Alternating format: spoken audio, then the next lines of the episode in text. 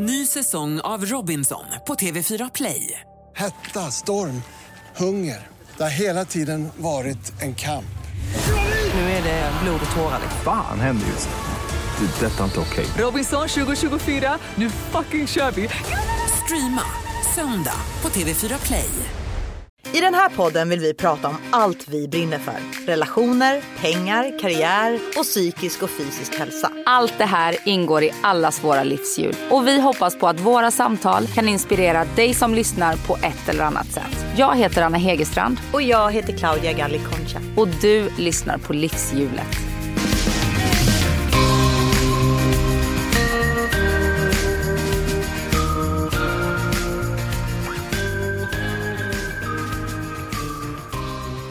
Anna! Hej Claudia! Vi är alltid så fokuserade på det här med tekniken. Ja, jag vet. Det är, vi sa ju det att när vi blir riktigt, riktigt rika så ska vi ha någon som sköter tekniken. Ja, någon som bara sitter här inne och ser att det rullar. Ja, Man kanske inte behöver bli skitrik för det. Nej, det kanske är en tjänst man kan köpa lite billigare än vad Vi vi, kanske kan fråga din assistent Felicia om hon kan. Ja, om hon är teknisk. Jag kollar det till nästa gång. Gör är det. lösningen där? Hon är ju Eh, liksom bara typ 20-ish så hon är förmodligen mer teknisk Hon är, än vad vi är. precis, hon föddes teknisk.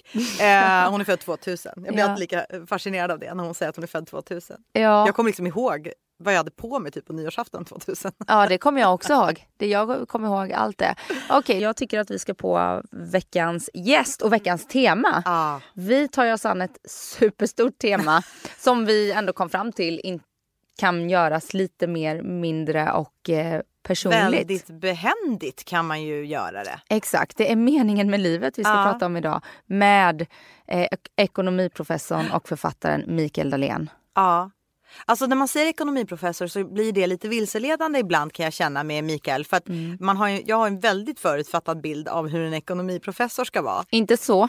Inte Som så han. som den här människan som är ja, men typ en av de bästa människorna jag någonsin träffat tror jag. Alltså Ja, mest han- inspirerande, ödmjuk, positiv, klurig. Och jag känner att det här är ju inte sista gången Mikael är med i den här podden. För att Nej. äh, han känns ju som, alltså han har ju så många sidor och han är så intressant. Och liksom så här skör och stark och allting i en mix som är Ja, jag vet inte. Jag vill inte prata för mycket känner jag. Nej, absolut. Det är klart att vi ska låta samtalet prata för sig själv. Men anledningen till att vi också bjöd in honom eh, kopplat till det här temat är ju att han i höstas släppte eh, sin bok, en liten bok om meningen med livet. Som är en uppföljare till hans En liten bok om lycka. Precis. Och jag menar lycka och meningen med livet hänger ju enligt mig i alla fall väldigt mycket ihop. Så Ja. vi vidrar ju båda ämnena såklart. Men, eh, Och seriemördare. och seriemördare inte minst. Mm. Och nagellack. Ja, om man känner att man vill gå in och prata vidare Mm. med oss efter det här eh, avsnittet eller lämna feedback så finns ju vi på Instagram. Yes. Livshjulet med Anna och Claudia. In och följ. Eh, och prenumererar du inte redan på Livshjulet eh, så gör det. Ja, Eh. och eh, där på Instagram ska jag bara säga att vi är, vi är där. Vi svarar på allt så länge man är snäll. Ja, och vi, vi delar med oss av vår vardag, vårt, vårt Högt och livshjul. Högt och lågt men också liksom av, ehm, eh, vi följer upp våra samtal här i podden där inne. Men nu Mikael Dahlén och eh, den stora frågan om meningen med livet. Ja. Vi är så glada eh, att du är här Mikael. Tack, jag också. ja. Och jag tycker det är kul för ni känner ju varandra sedan tidigare. Ja men alltså för det första så känns ju eh, Mikael som så här a brother from another mother för mig. För att jag tycker att det känns som att allting alltid som jag hör dig prata om, tänka på. Det är så här, det hade lika gärna kunnat varit jag. Mm, du jag sa hade ju det varit. till mig eh, Ja. innan vi gick in här. Ja. Ja men alltså det bara känns så här, allt som handlar om just det här. Ja men vi kommer ju prata om, och vi kommer prata om, om lycka och vi kommer prata om meningen med livet. Vi kommer prata om allt det där och allt det där är ju sånt som jag utforskar och håller på med varje dag. Och så här att liksom hela tiden förädla mig själv och min, eh, mitt, mitt jag. Eh, jag vill prata lite om självförtroende med dig.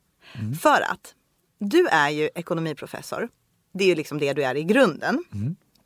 Men sen har ju du skrivit böcker om seriemördare, eh, eh, men, alltså, eh, bok om lycka, eh, meningen med livet. Eh, ehm, alltså, det är ju inte ditt huvudämne.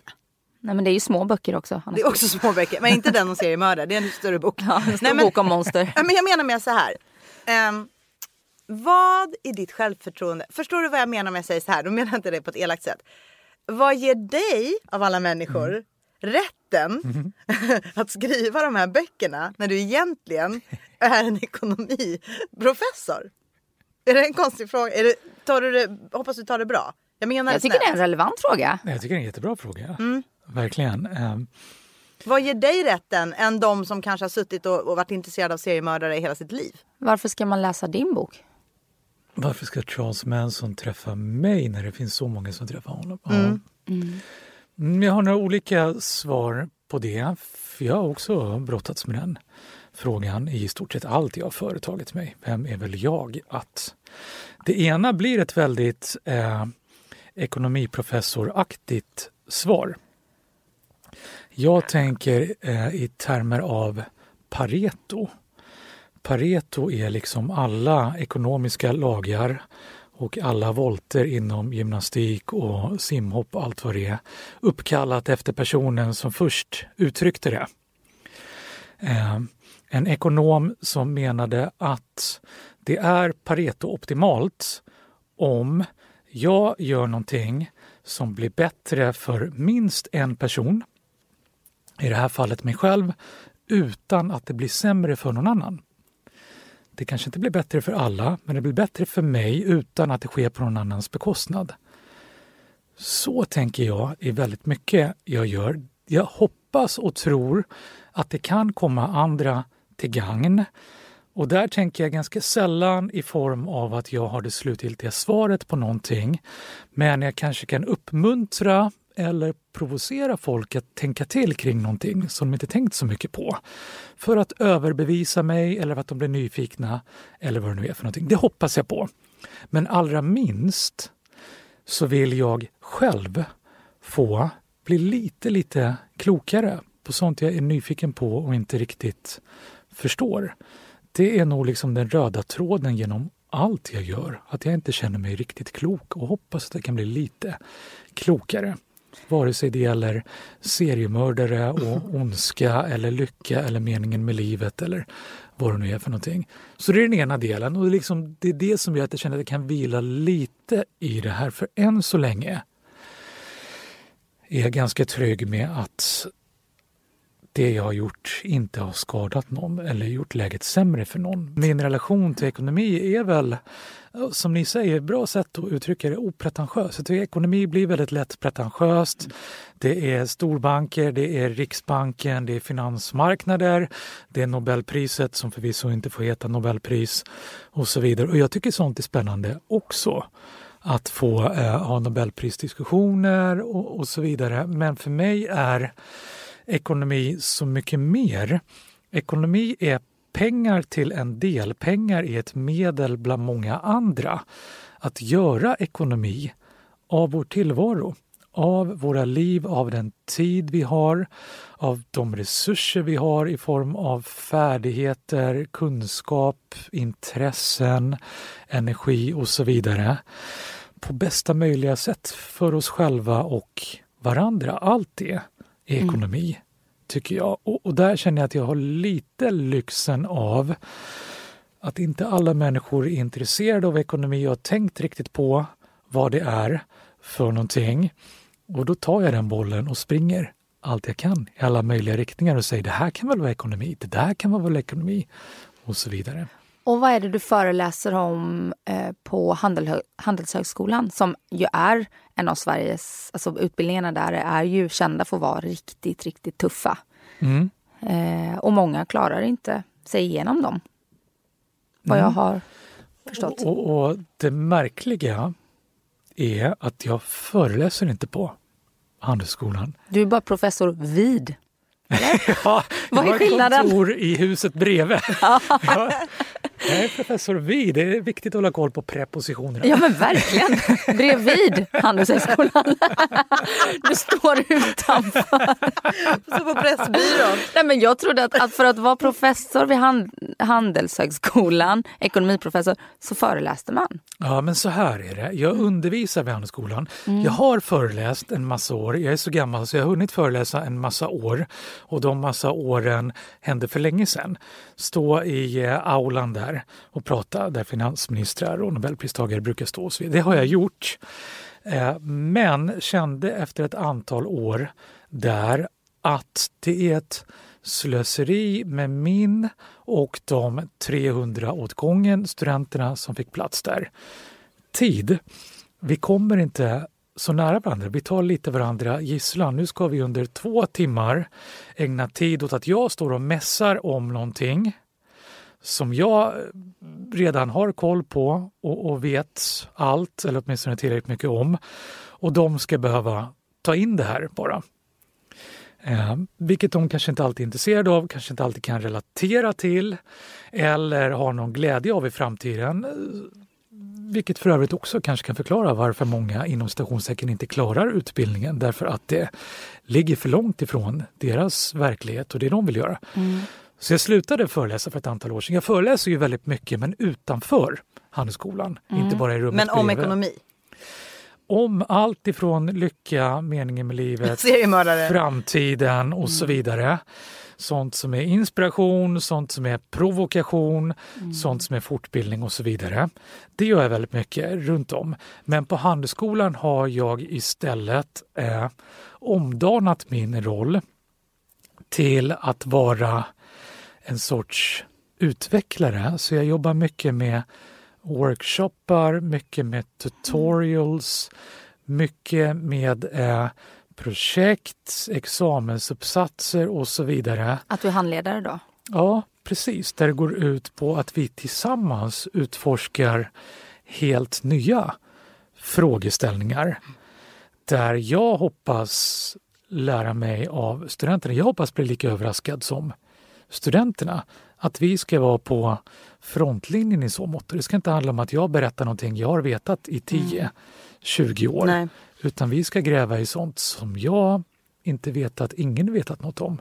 Som är aktuellt här och nu och förhoppningsvis imorgon. Men när du föreläser utanför Handelshögskolan, ja. då föreläser du om saker som du vet. Och mm. då, vad är det som gör att du tycker det är fortfarande intressant? Är det att folk kommer till dig, inte att de har det på schemat och måste gå på din föreläsning, utan att de verkligen söker upp din föreläsning? Ja, eh, det är jättelyxigt. Så funkar det mm. Ganska mycket i föreläsningsvärlden, åtminstone i, i den del av föreläsningsvärlden jag rör mig i, att det är människor, företag, branscher, vad det nu är för någonting, som är av sig till mig för att de har hört eller sett mig någon gång eller hört talas om och vill bli inspirerade, överraskade, underhållna, provocerade, mm. vad det nu är för någonting. Det tycker jag är väldigt spännande. För mig så hänger de där delarna ihop. Jag tror att ska en provocera och få folk att tänka till kring sånt de inte tänkt till om förut och tänka lite nytt så krävs det också att de inspireras så det finns en energi i det där snarare än att man ryggar tillbaka och tycker det är väl gjort. Och jag tycker också att underhållning är en viktig del i det för det är avväpnande. Det gör att man blir mer sig själv. Eh, jag har inte hittat någon bra översättning på det här. Eh, men eh, på amerikanska mm. funkar det bra. You can't spell fun without you. Nej. Och det ligger mycket i det. Mm. det du kan svårt. inte stava kul utan u. Ja, ja, det går ju att säga på svenska men det blir inte, men det blir inte lika catchy. Bra Claudia, du har ändå bott i LA i tre år. att you kan stavas med bara ett u eller med ett y uh, and uh. an o before uh, the you. Och det är så jag tänker, du kan ha ro... Eh, du kan bli provocerad i egenskap av mellanchef mm. eller vd eller finanschef eller vad tusan du vill. Men det är ganska svårt att ha roligt mm. i form av mm. finansmarknadsminister eller personalchef eller vad det nu är. När du har roligt, när du skrattar så gör du det i egenskap av dig själv. Du blir mer dig själv i det där. Det är för övrigt också mm. någonting jag faktiskt har gjort en massa studier av. För, äh, Vilket då? Att? att ha roligt och hur vi funkar när vi har roligt, varför vi har roligt, hur det mm. sprider sig. Berätta. Och så vidare. Ett av de snabbaste sätten att känna gemenskap är att skratta. Skratt smittar bokstavligt. Det är en förklaring till varför alla sitcoms i USA hade taped in front of a live studio audience eller burkskratt som man kallar det för, som var inspelat och så vidare. För att vi, vi har svårt att värja oss mot skratt. Skratt är ett sätt att signalera nu är jag mig själv, jag är ofarlig som väldigt lätt får andra att eh, bli delar av det där. Om en person börjar skratta så ökar sannolikheten väsentligt att andra gör det. Det finns jätteroliga såna här smittande, ja. klipp när man kollar på eh, hur folk i en tunnelbanevagn börjar skratta. En person börjar skratta av någon anledning som den personen har kanske sett på sin skärm. Så får någon annan som tjuvtittar också att skratta och då får personen bredvid som inte ser det här att också skratta men det är så förlösande. Det blir en gemenskap i det där. Eh, och sen går den här personen som började skratta av. Men skrattet fortsätter i vagnen och smittar av sig och så slutar det med nästa person gick av som ändå var lite med och till slut så är det en hel vagn full med människor som skrattar utan att någon har en aning om varför de skrattar och ingen har en egentlig anledning Nej. att skratta. För källan har gått av vagnen, liksom. Ja, det är ganska fantastiskt. Sen finns ju motsatsen också. Eh, Det kan vara lite creepy om någon person sitter och skrattar alldeles själv för länge. Om, om ingen join in så kan det bli så här folk flyttar lite på sig och kliver av och till slut sitter den personen själv. Det Ja. känns i att det är väldigt mycket vem den här, den första skrattande personen har bredvid sig. Ja, Eller liksom i, i sin absoluta närhet där på tunnelbanevagnen. För är det någon som hakar på lite grann, är, blir, är folk är det liksom eh, onda eh, själar som står runt omkring och som är dömande så blir det ju tråkigt. Exakt. Är det inte också så att skitsnack är en väldigt bra grej? Att skratta åt tillsammans. Nej, att, alltså, att skitsnack är någonting som verkligen för ihop människor också. Tyvärr. Grupperingar. Alltså man Ja, grupperas men så här, det är mot lätt en. att liksom, om du och jag sitter och inte har något att prata om, så- försöka hitta en så här, gemensam nämnare, någonting som vi, Mm. in, någon vi inte tycker om. Det brukar elda igång folk ganska bra. Tyvärr. Ja, det där var ju någonting jag också grävde in. Jag höll på med det här monsterprojektet och träffade seriemördare och så vidare. Det är fascinerande. Den boken kom ut 2011 har jag för mig. Är det bara seriemördare du har träffat i boken? Eller? Ja, Inga offer. nej det går ju De är inga monster. Nej, men inte alltså, de kan- någon som- seriemördare. Det ligger liksom inte The one that got away. ja, jag bjuder på den. Vi lägger den i trailern Anna. Då kommer det flyga den skiten. Vi vill bli lite klokare genom den här podden. Ja. Nej, det var bara då förövarna då. Det var bara monstren. Apropå att jag skriver små Ja men böcker, herregud det det blivit finns en ju väldigt folk som vet bok. att de har kommit undan en seriemördare. De hade kunnat Ja. berätta tänker jag. Ja, absolut. Du vet så här, han höll mig i Berätta vaden. om monstret. Ja, såklart. Ja, men det där är spännande för eh, jag har träffat folk that got away, Mm. men inte någon eh, likt offer för Jeffrey Dahmer, om ni minns honom. Kannibalen from the American Midwest som eh, åt upp sina offer, stoppade resterna i kylskåpet och så vidare och åkte fast efter att ett Alltså, av hans offer flydde. Det, det riktigt bisarra är att han hade kunnat åkt fast tidigare ifall polisen som eh, mötte ett av hans tidigare offer som inte got away. Eh, en kille som eh, flydde naken, lyckades fly hals över huvud utifrån eh, eh, lägenheten där Jeffrey Dahmer hade honom. Hals över huvud, flyr ut naken, panikslagen, träffar polis på gatan och säger eh, jag är i- begrepp att bli uppäten. Det här är inte Pareto-optimalt på något sätt. Ingen kommer bli glad. Det här vill jag inte. Det här vill jag inte. Jag Eh, och på- efter ut på gatan kommer Jeffrey Dahmer och säger nej, nu förlåt, det här är en liten lovers quarrel. Det här är, det här är min pojkvän och han överdriver. Och polisen säger okej, nej men då ska inte jag blanda mig i. Och lite så stressad av att stå en naken man där kanske. Ja. Också. Och Fick den nakna mannen med... följa tillbaka med Ja, lägenheten? Nej, det är så sinnessjukt läskigt det där.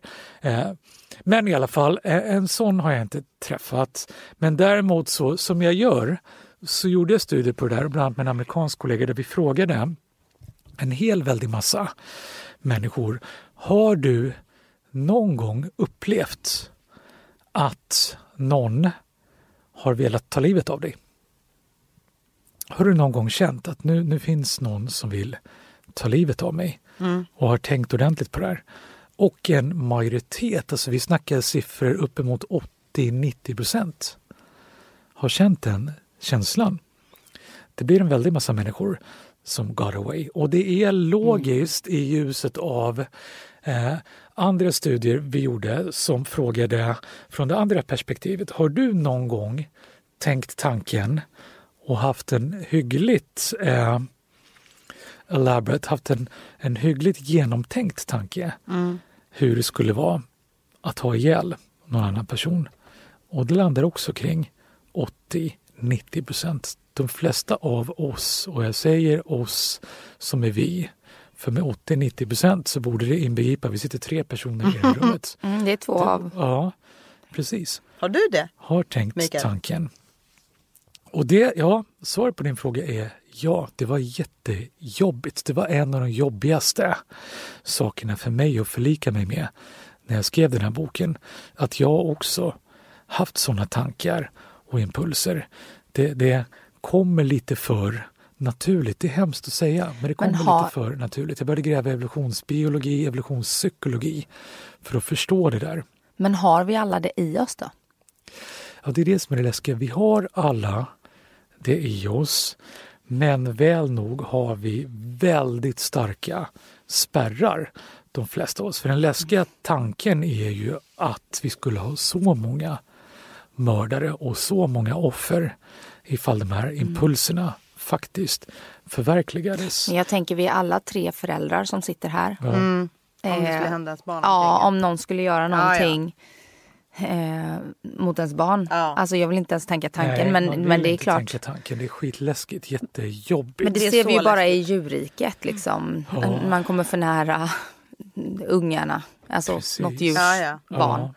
Det är klart, vi är ju också djur Ja. med djuriska instinkter. Ja. Och det där går tillbaka hela vägen till, efter min långa, långa utflykt, Mm. eh, det här med skitsnack. Ja. För jag började då gräva i det, det jag kallade då för vardagsondska. Mm. Sånt här som bara slipper ut ur oss utan att vi ens tänker på det. Och därför kickar inte de här spärrarna in. Och det fascinerande är att alltså tio år sedan, då, 2011, så hade jag med det i bokmanuset. Men vi kom fram till att det blir för mycket att ta med det. Det är lite spretigt och det fanns inga ord för det här. Nättroll fanns inte då. Nej, Näthat och så, det här är bara där har du ju tio år nästa sedan. bok ju. Ja. Och Gud, då gjorde jag en del experiment och liksom började kolla närmare på det också. Hur många har någon gång skrivit något hemskt om någon annan på nätet? Ja. Och ganska många hade gjort det, men inte symmetriskt som det här med tänkt tanken att ha ihjäl någon eller känt att någon har velat ha ihjäl en. För jag frågar också hur många har någon gång eh, hittat någonting hemskt skrivet om sig själv. Antingen för att det kom direkt i ens mejllåda eller kommentarer. Eh, eller för att det skrevs om mig och jag hittade det i alla fall på Flashback eller något sånt där. Det, har vi väl, det är väl 100 procent av alla som Ja. sitter här inne. Precis. Och det skulle innebära antingen då, eftersom alla någon gång fått något hemskt skrivet om sig, men långt ifrån alla drar sig till minnes att man skrivit någonting väldigt hemskt. Det skulle antingen innebära att det finns en liten klick då med människor som från det att de vaknar till att de går och lägger sig känner som sitt ansvar att tokhata alla andra. Det Och på så sätt så kan alla ha fått uppleva det. Eller så är det så att väldigt många har gjort det utan att ens riktigt tänka till och inse, just det, nu sitter jag och skriver hemska saker Mm. om någon annan. Någonting som kommer göra någon annan jätteledsen.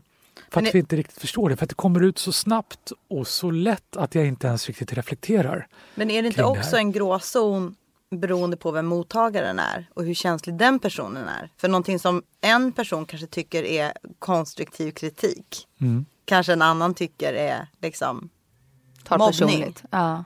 Ja, men där finns, ja precis, där finns den delen att det är eh, ett ständigt förhandlandes, som vi brukar prata om i kommunikation. Det är inte förhandlande bokstavligt talat, men det funkar lite så. Vem har tolkningsföreträdet? Mm. Vilket perspektiv är det mest gällande?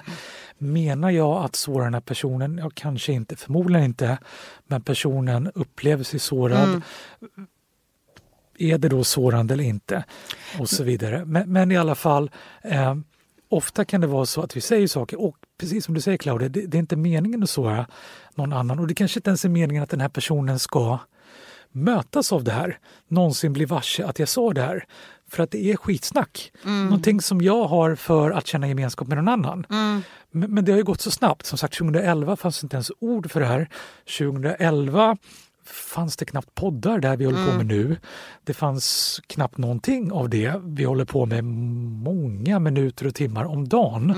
Idag når vi ut och fram på andra sätt än vi gjorde förut och som vi kanske inte velat. Så det här skitsnacket kanske inte håller sig bara till oss. Men jag tänker överhuvudtaget det här med för att snacka skit. Mm. Det gör ju att så här, det, är ju, det är ju verkligen inget man känner sig lite smutsig. Skit, Ja. Snacka skit har, man, har vi ju alla gjort liksom, Mm. och gör. Mm. Men jag upplever att när jag försöker tänka på att eh, inte göra det så känner jag mig lite renare och lite ja, men bättre. Liksom.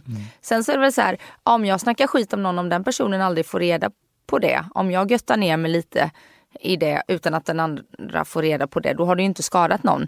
Men det skadar ju en själv lite där. För att man, eh, man är ju inte sitt bästa jag när man sitter och blir lite större på någon annans bekostnad. Jag har en bra övning där som jag håller på med nu ganska aktivt. Mm. Eh, sen jag fick barn så har jag blivit väldigt mån om vad som sägs i vårt hem. Alltså hur vi pratar om andra människor framför allt. Ehm, så till exempel om man tittar på Melodifestivalen så är det så här, det är förbud hemma hos mig att säga någonting negativt om personerna som är med. Om de är dåliga då? Baserat på deras utseende. Ah, okay. mm. Alltså så här, vad fan har hon på sig? Bra. Eller så här, herregud, oj oj oj, var inte den där kjolen lite för kort? Du vet sådär. Som det pratas. Alltså Ja. jag vet inte procentuellt sett men jag kan tänka mig att det är ganska hög procent. Där det är lite så här, så fort det är liksom någon sån här tävlingsprogram där folk ställer upp eh, eh, mer eller mindre självsäkra. Eh, Så får man sitta och tycka och tänka. Vilket är väldigt konstigt. Så har det i alla fall varit hela min uppväxt. Man har tyckt och tänkt öppet. Och, och det där vill jag verkligen skona mina barn ifrån. Och det är en sån satans bra övning som gemene man verkligen kan göra. Hur lyckas ni med den då? Nej, men jag, alltså, jag har hundra rätt av hundra. Alltså, jag, jag säger ingenting. Men att bara sitta och fokusera och tänka så här, jag ska säga något bra. Jag ska säga något bra om det här numret. Så här. Jäklar vilken bra, vilka bra dansare det är där i bakgrunden. Även om det är där framför man tycker det suger. Vilket bra ljus det är. Ja, och vad ljust och vad bra vilken bra volym vi har på tvn. vad skönt, vad bra att den här låten var slut. ja, vad man än säger så ska det Ja. vara positivt. Och det är, så, det är en sån härlig känsla att sitta och kolla på en hel melodifestivalomgång och inte säga någonting negativt. Men jag måste bara fråga en fråga nu som jag inte kan släppa. Och jag vill veta kopplingen mellan, du är ju också Alltså du känns ju som en positivt lagd människa. Du letar ju efter lycka i livet. Oh ja. Ja, och det, det anser jag att jag gör också. Och jag blir liksom, jag är ofta high on life och tycker liksom att livet är för fan vilken jävla fest. Att man får vara med om det här varje dag från morgon till kväll. Eh, och gärna dygnet runt om jag hade orkat. Men jag är ju också väldigt intresserad av fall där så mörka, mörka eh, krimfall där folk har varit inlåsta, blir bortrövade. Eh, Det är nästan, om, jag, om, jag, ba, om det fanns en kanal med bara sådana dokumentärer hade jag bara tittat på den kanalen. Fritzl eh, Och dokumentär. Fritzl, eh, Madeleine McCann, alltså alla de här. Vad är kopplingen? Du har din seriemördargrej, du är high on life. Jag gillar folk som är inlåsta i källare och är high on life. Varför de här kontrasterna? Vad är det som pågår? Dels kan vi inte värja oss. Vi kan inte värja oss mot det där. Det, det är de här primitiva instinkterna igen. Det är också naturligt. Och jag menar verkligen att vi måste tänka till kring vad naturligt betyder. Naturligt behöver inte betyda att någonting är bra, men det betyder att det finns där och vi måste bara bli medvetna om att det finns där. Det är naturligt, vi har det alla i oss. Du är i, i väldigt gott sällskap. De, de allra flesta av oss funkar så. Det finns en anledning till att det finns så mycket true crime, att Netflix har haft en väldigt stor eh, utveckling i just de genrerna. Även poddar. Ja, Krimpoddar är ju Ja, jättepopulärt. Eller hur? Så, så det är inte konstigt att säga. Att vi vill besöka det mörka. Mm. ord. Hur, men, men det är liksom naturligt. Den andra delen och någonting eh, som jag fick tänka till mycket kring själv. Kring varför jag dras mycket till det där är att det finns en eskapism i det där. Att eh, alla mina vardagsbekymmer, Mm. min självkänsla och så vidare. Eh, när jag fick eh, saker sagda till och om mig, om vilken dålig människa jag var och så vidare, så fanns det något befriande i att tänka tanken, men jag är ändå inte Josef Fritzl. Jag är inte Charles Manson, jag har i alla fall inte haft ihjäl någon. Nej. Det kan låta konstigt men, men för mig var det lite befriande ändå Mm. att se att hur jobbig jag än varit i vissa andra människors ögon när jag har gjort ett sommarprat eller vad det nu är för någonting, någon tv-grej så. Men det är ju koppling också till det här med skitsnack. Jag bara tänker, jag kommer ju från veckotidningsbranschen. Mitt första jobb som journalist var på Hänt Extra. Mm. De försörjer ju liksom hela förlaget i princip, skvallertidningarna. Ja. För att, och, och de gör ju ofta framsidor på ja, men väldigt, väldigt folkliga kändisar. Alternativt liksom TV4, Bonde söker fru, den typen. För att människor kan se att Ja, nu har eh, vadå, Carola skilt sig igen. Hon som är så lyckad. Inte ens, hon kan inte hålla i sin relation. Ja, men då är det inte så farligt för mig. Plus att man kan relatera till det. Och så kan man prata lite skit. Allt det hänger ju ihop. Det är ju för att vi ska koppla till meningen med livet då. Vi söker ju hela tiden efter det som får oss att må lite bättre. Ja. Och om vi känner oss misslyckade så är det klart att om, vi, om det står något om någon framgångsrik person som är mer misslyckad, då blir ju vi lite bättre. Så vi skor oss på andras olycka. Och det är ju naturligt, men det är ju inte bra. Nej. Och det är avdelningen konstiga paralleller. Det känns som att det kan bli namnet för det här avsnittet. Det blir konstiga paralleller. Hur kopplar vi det här till Men, serien? men seriemördare, skitsnack om skilsmässor och coronan tycker jag har lite det gemensamt. Att de skapar perspektiv. Och, och lycka är jag ju väldigt eh, fascinerad av. Och jag gör ju studier på lycka för jämnan och bland annat nu under pandemin så myntade jag begreppet pandemindfulness för att på något sätt kunna sätta ord på upptäckten jag gjorde att i genomsnitt så mår vi i Sverige lika bra eller till och med lite bättre nu än vi gjorde för ett år sedan innan coronan. Det genomsnittet gömmer såklart en väsentlig andel människor som mår sämre. Jo, Och som det har är drabbats hårt, ja. såklart. att tänka på också. Mellan en fjärdedel och en tredjedel upplever det så. Men majoriteten mår antingen lika bra för att de inte har påverkat så mycket. Det finns många som inte har märkt det personligen, varken privat eller professionellt. Men, men också en väsentlig andel som till och med mår bättre nu. Och mycket av det här som vi brydde oss så mycket om tidigare har vi antingen tvingats sluta bry oss om för att det inte finns i vår vardag längre.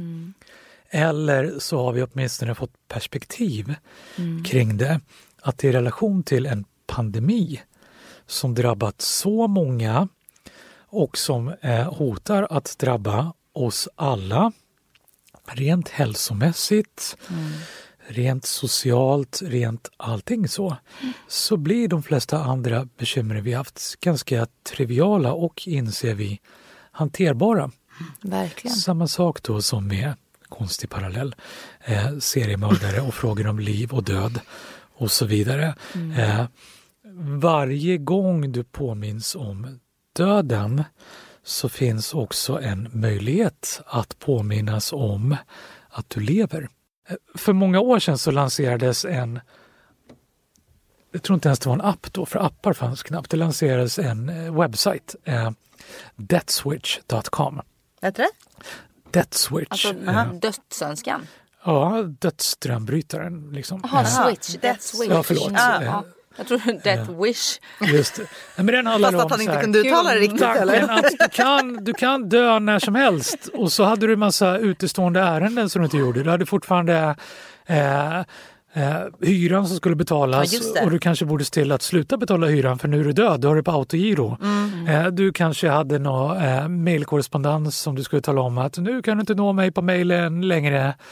Bla bla bla, allt sånt där. Ja. Någonting som automatiskt kopplar in i dina digitala kanaler och avslutar eller vad du nu gör. Gör det här du ska göra. Och hur vet den här Death Switch att du är död? Eh, jo, det gör den genom att skicka dig en fråga då och då. Som frågar, lever du fortfarande? Gud vad hemskt. och jag tyckte den var ganska spännande för eh, oftast så svarar ju precis ja.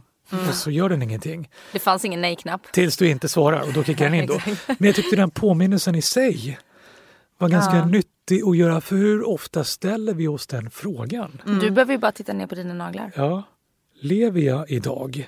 Lever jag idag? Det tänker vi inte på, för det tar vi bara för givet. Och enda gången vi inte tar det för givet är när vi blir påminda om att det finns ett alternativ. Jag skulle kunna vara död nu, jag skulle kunna dö när som helst. Eh, någon jag känner, någon jag bryr mig om, någon jag vet vem det är, dog nu. Och precis, mina naglar är en sån påminnelse när min pappa fick en sån eh, dödsdiagnos. Han fick veta att han eh, hade obotlig cancer.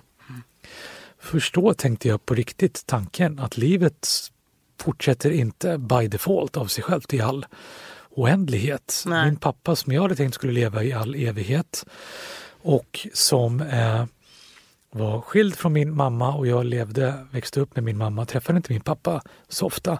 Han hörde av sig när han hade bestämt sig för att gå i förtidspension. Han hade jobbat så mycket, vilket är en anledning till att vi inte träffades så mycket och kände sig färdig med det och hade tillräckligt för att kunna gå i förtidspension. Bjöd ut mig på lunch första gången. Så jättestort för mig, gå ut på lunch med min pappa på, sten, på, sten, på stan. Eh, han var eh, strax innan 60 vilket betyder att jag då måste ha varit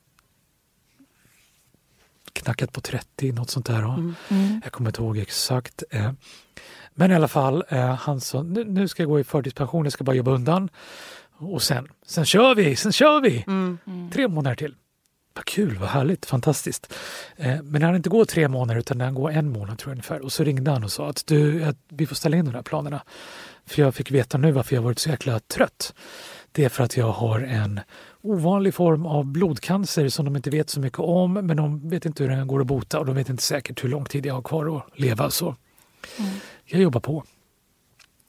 Det blev en sån riktig ögonöppnare för mig. Det, det lärde mig två saker. Det ena var att inte planera för långt fram i tiden för vad som helst kan hända. Där har ju coronan igen blivit en sån enormt viktig påminnelse. Vad som helst kan verkligen hända som vi inte föreställer oss. Så enda möjligheten vi har att leva våra liv och göra det vi vill är att planera kortsiktigt och göra det nu, när vi är vi och världen är någonting vi kan ha lite säkerhet kring. Eh, Och förhålla oss till Ja. de omständigheter som råder. Precis. Så det är det jag tatuerat in på halsen. Plus ett, ett år i taget, aldrig tänka längre än ett år. Och så började jag måla naglarna som en påminnelse om att eh, döden finns runt hörnet. Eh, och, och med den tanken måste jag verkligen vara levande när jag har möjligheten att vara levande. Nu, när jag lever. Jag har ju eh, hört intervjuer där du säger att, ja, men att du har tampats med svag självkänsla. Eh, vilket vi båda kan relatera till. Eh, men också ett ganska starkt självförtroende. Eh, har vi alla tre. Att så här, vi klarar av saker. Men eh, den tiden då du, jag läser mellan raderna att eh, att du var utanför liksom och kände dig annorlunda. Eh, är det det som har präglat din eh, svajiga självkänsla tror du? Eller? Ja, säkert. Till stor del. Säkert. För det känner jag, jag, jag la faktiskt upp ett inlägg på, på Instagram i samband med kvinnodagen. Min eh, extremt eh, följartäta Instagram. Men om, eh, för jag blev diagnostiserad med ADHD i vuxen ålder. Eh, och just det här att det är så viktigt för det forskas ju bara på pojkar. Och många flickor missas i vården och eh, vi får diagnos senare i livet. Eh, vilket gör att vi har väldigt mycket, vår självkänsla blir ju liksom att inte förstå sig själv. Att känna sig annorlunda. För vi är ju, sen är det så här, vad är normalt då? Men vi är ju, fungerar ju på ett lite annorlunda sätt, våra, våra hjärnor. Eh, som Anders Hansen skrev i sin bok, vi är jägare och ni andra är bönder. eh, men vi behöver, vi behöver våra förmågor som vi är starka i. Men just det här att tidigt få möjlighet att förstå sig själv, att vi pratar om olikheter, att eh, verkligen lyfta det här att allt är okej. Att det kan stärka självkänslan. Hur har du jobbat med det? För du har ju tonårsbarn idag. Ja, Har det varit viktigt för dig att liksom förmedla det till dem? ja, mina barn är en viktig anledning till att jag blivit väldigt mycket mer öppen med min dåliga självkänsla generellt men också med alla mina olika tillkortakommanden. Förut försökte jag gömma dem för att passa in bättre, för att inte bli sårbar på samma sätt. Och också kände jag för att inte såra andra, till exempel mina föräldrar vill inte jag skulle såras av att veta att jag var utanför och mobbad och allt sånt där. Mm. Så du tog ju- ansvar för dem, deras Ja. känslor? och jag kände i början samma sak för mina barn också. Jag vill inte att de ska känna att deras pappa är misslyckad och har varit ut, motsvarande utanför sådär och kanske att de får höra det i skolan att vi såg din pappa prata om hur misslyckad han är och så vidare. Så kände jag tvärtom, det vill jag inte överföra på dem, att de ska känna ett ansvar för och vara Nej. oroliga för Nej. eh, sina tillkortakommanden och vad andra i deras närhet ska tycka om det och så vidare. Så, så det var en, en viktig del, det var den ena delen. Sen har jag ju, eh, jag fick slut på naglar då, så gjorde jag en tatuering som sitter på min högra underarm som jag visar er här nu. Dålig podd, det kan ni inte se, ni får föreställa er. Den här eh, motsvarigheten till den här vägskylten. Vägarbete pågår. Just det. Då får man Så- köra lite saktare. så tänker jag på det att jag är jag är ett infrastrukturprojekt. Jag, är ett väg, jag är ett pågående arbete. Att istället för att bara gräma mig över att jag inte är bra, att jag är dålig, att det är så mycket jag inte kan, att jag inte är klok och så vidare. Så ser Vunnit som, Mensapris, men ja, okej.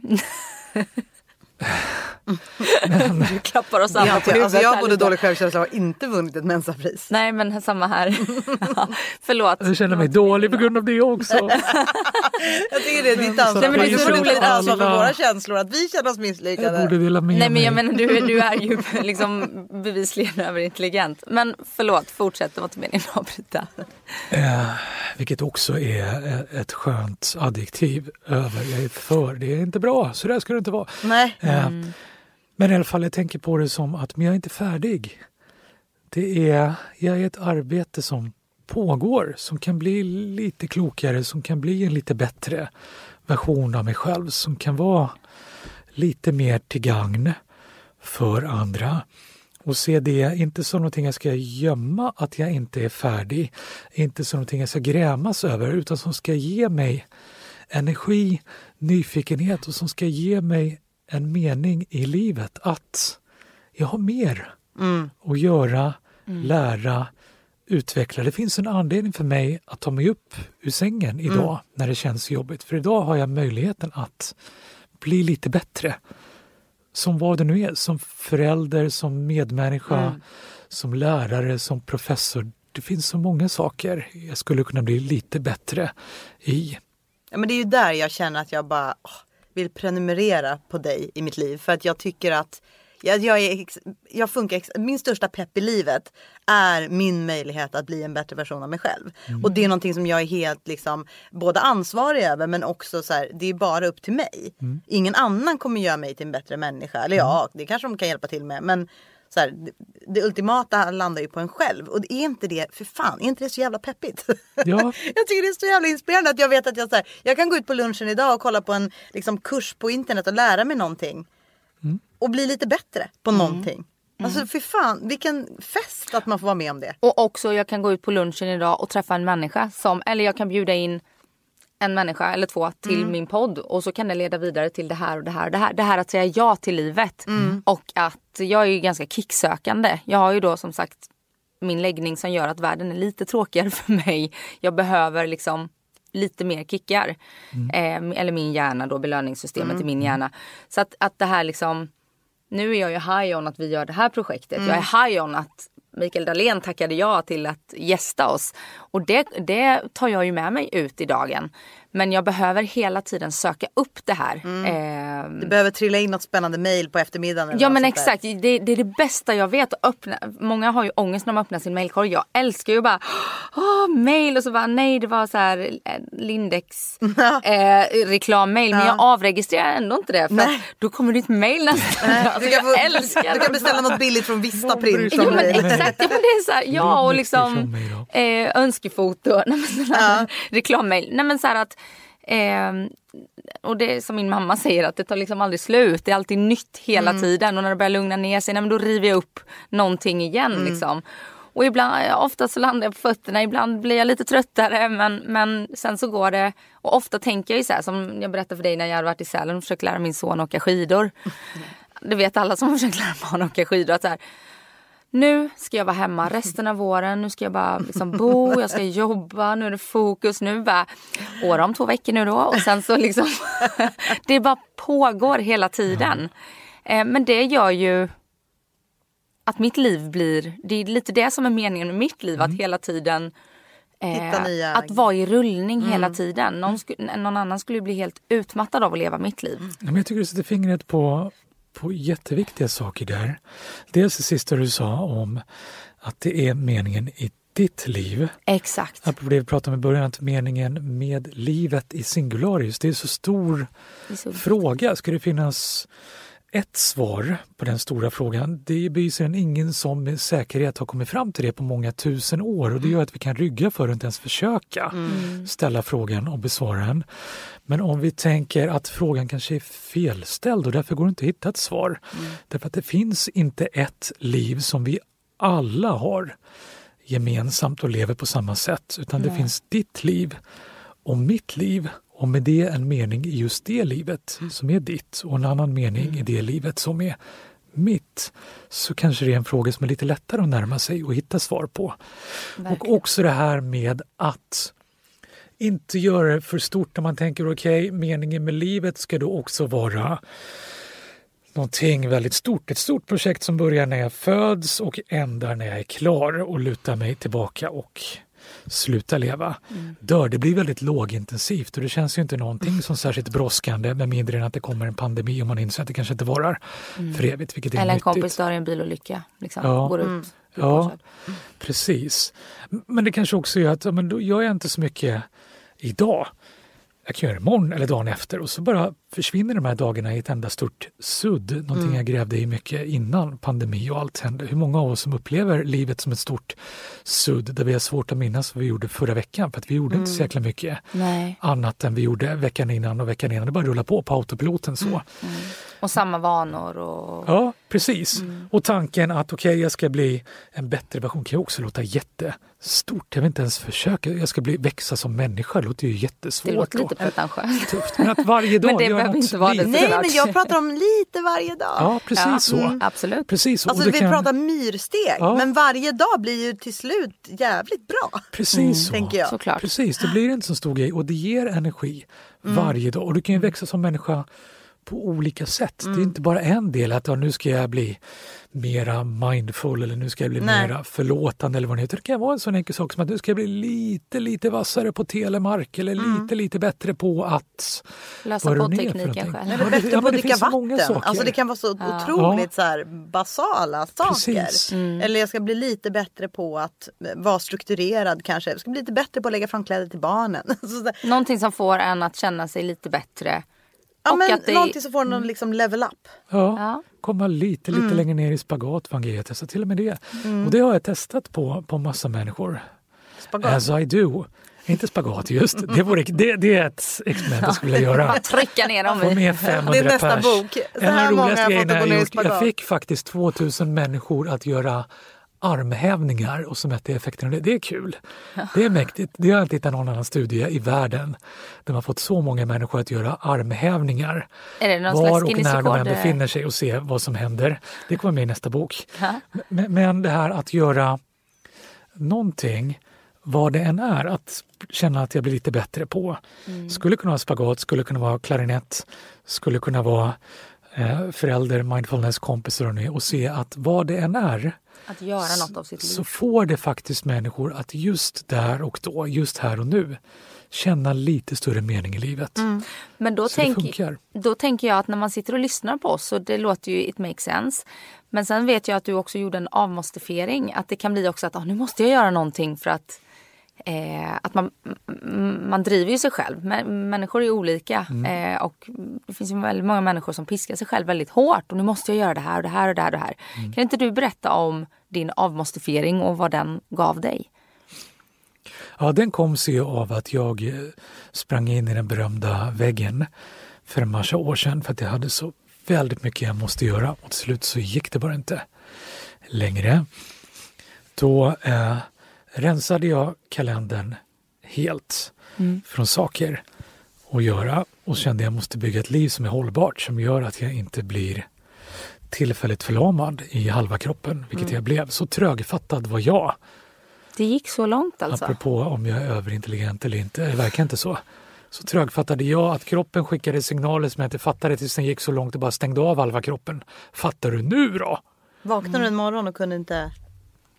Det kom stötvis. Eh, Jag kommer ihåg det första gången jag, satt på någon eh, viktig, trodde jag då, som jag sen insåg inte alls behöver vara så viktig, lunch med massa viktiga människor.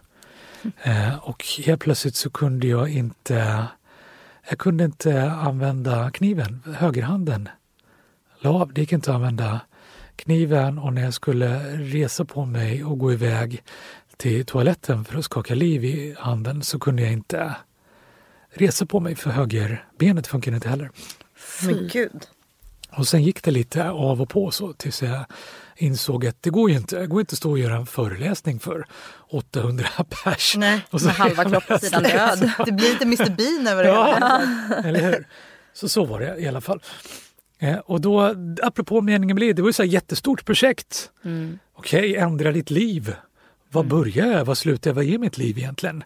Och då insåg jag att mitt liv består av en massa olika saker som jag inte sett. För att alla de där sakerna har gömt sig i det här stora livet, det stora kaoset. Det blev en bok om det också, kaosologi Ja, som gömmer de här smakerna. Och då började jag tänka så här, vad är det jag gör som fyller de här dagarna? Och det visade sig att det var en väldig massa måsten. Och så tog jag bort allting. Och sen började jag fylla på sakta men säkert. Det är modigt att ta bort allting. Det måste varit läskigt. Ja men det gick ju så långt att jag inte hade något val. Så var det ju. Och så har jag förstått det för många. Hur ser livet ut när man tar bort inte. alla måsten? Hur såg en, en dag ut då? Eh, i, I början så eh, var det märkligt och lite oformligt och lite jobbigt att bara vara stilla. För det var inte jag van vid. Eh, och det har jag lärt mig på senare tid när jag eh, kollar på meningen med livet. Att inte göra någonting, det är ett sätt att känna en meningslöshet i tillvaron. För vi behöver göra saker. Eh, och det var det jag ganska snart började göra. Eh, jag började förändra eller skapa mig helt nya vanor. En i taget. Så så började jag ändå göra någonting och skillnaden var att jag då gjorde saker som jag valde att göra. och ville göra. Och så småningom så kom jag upp i en kalender som var lika fylld som det var innan Mm. kroppen la av. Kanske rent av nästan lite mer fylld. På hur, under hur lång tid? Och det här var under ett år ungefär. Men med saker som du tyckte om att göra då? Ja, för det var det som var ögonöppnaren. Och, och Nu går Claudia igång här. bland annat så var det någonting som mina barn sa till mig. Att du ser ut, du, du ser mycket gladare ut nu. Mm. Eh, och min son sa, jag älskar det här. Pappa, när jag blir stor, då vill jag bli tjänstledig som du. För det var jag under det här året. Ja, du var inte Eh, Och då var du en väldigt rolig och glad pappa antagligen. Ja, och det handlar inte om att jag inte gjorde någonting. Nej. För till slut gjorde jag ju lika mycket som innan.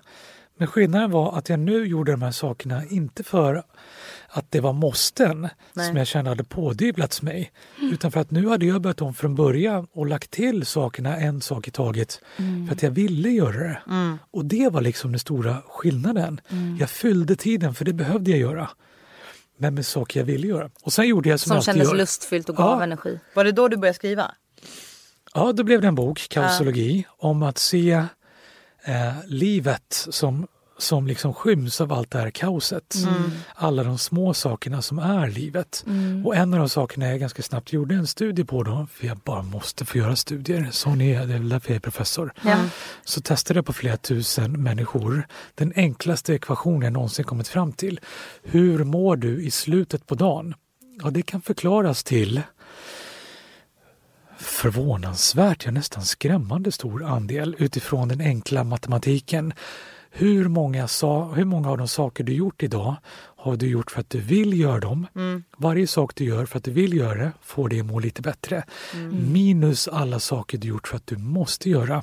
Och varje sak du gör för att du måste får dig att må lite mindre bra.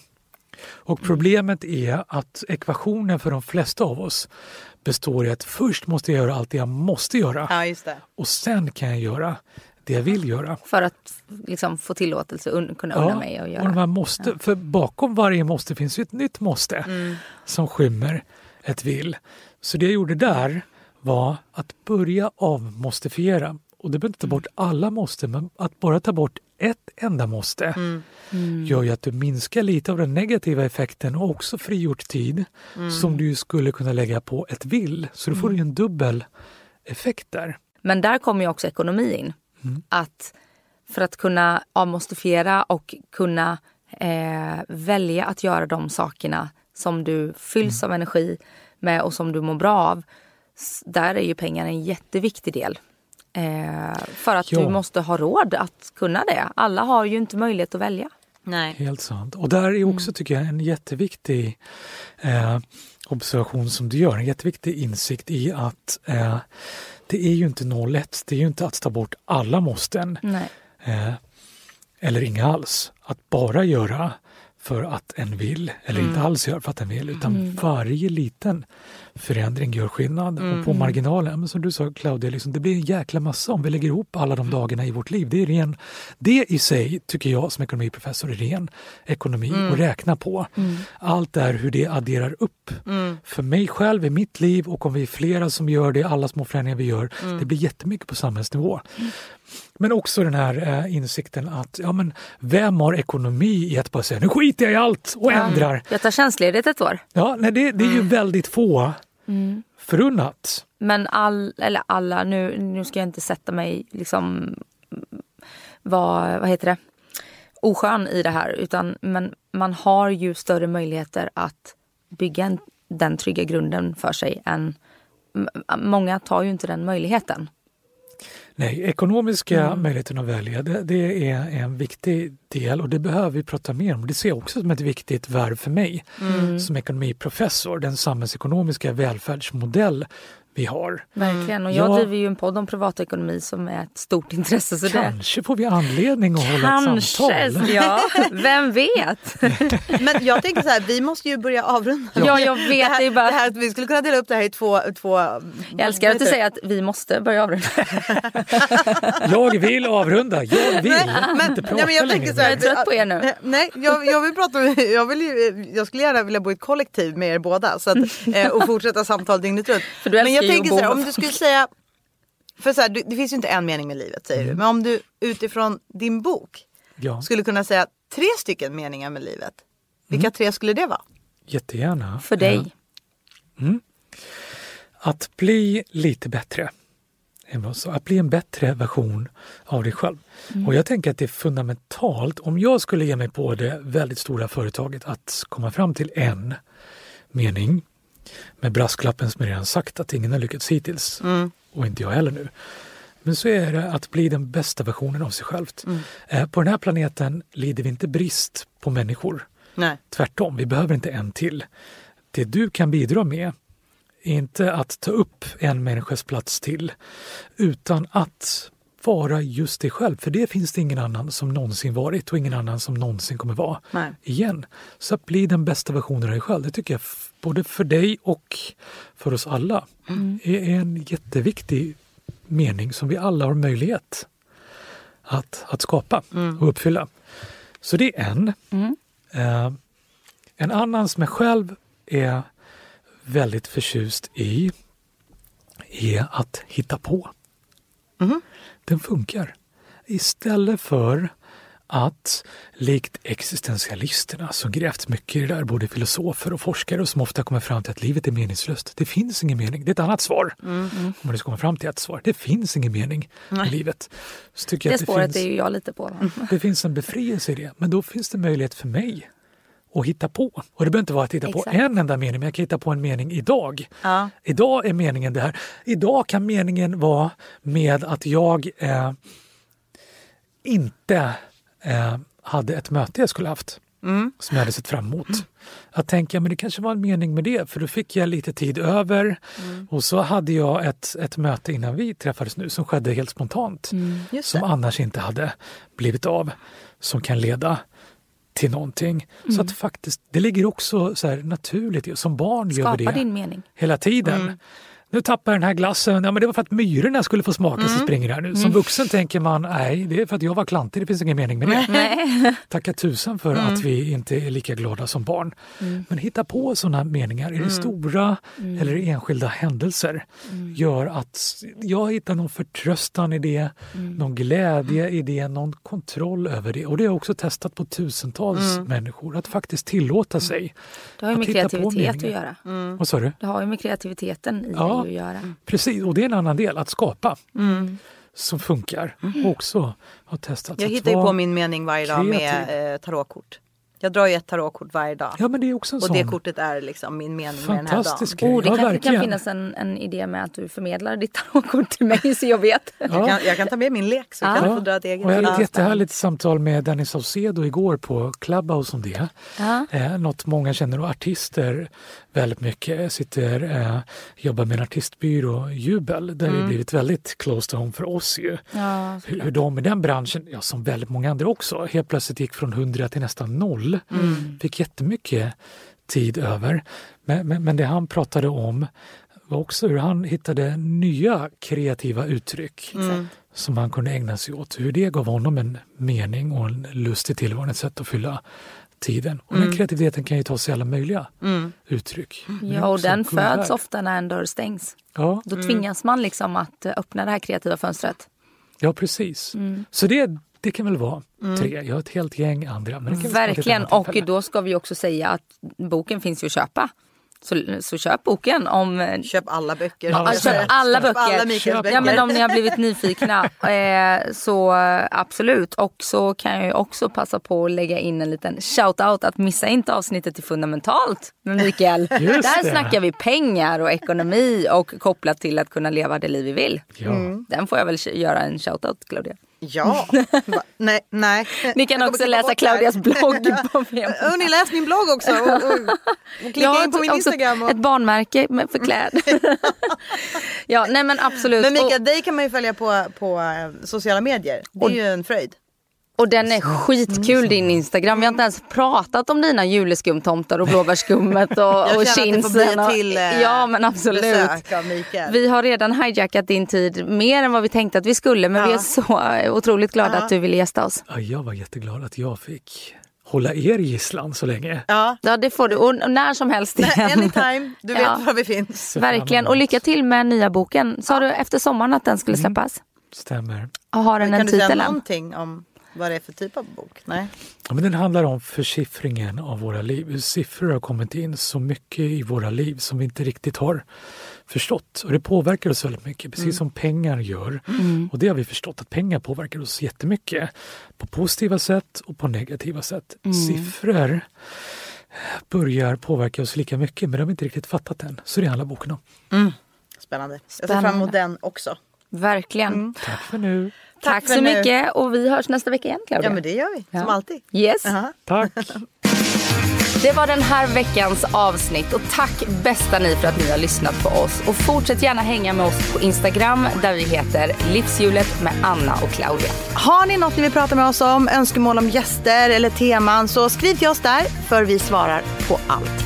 Och så hörs vi nästa vecka. Puss och kram. Puss och kram!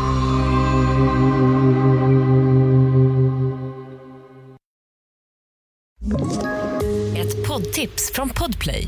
I fallen jag aldrig glömmer djupdyker Hasse Aro i arbetet bakom några av Sveriges mest uppseendeväckande brottsutredningar. Går vi in med hemlig telefonavlyssning och, och då upplever vi att vi får en total förändring av hans beteende. Vad är det som händer nu? Vem är det som läcker? Och så säger han att jag är kriminell, jag har varit kriminell i hela mitt liv men att mörda ett barn, där går min gräns. Nya säsongen av Fallen jag aldrig glömmer på Podplay.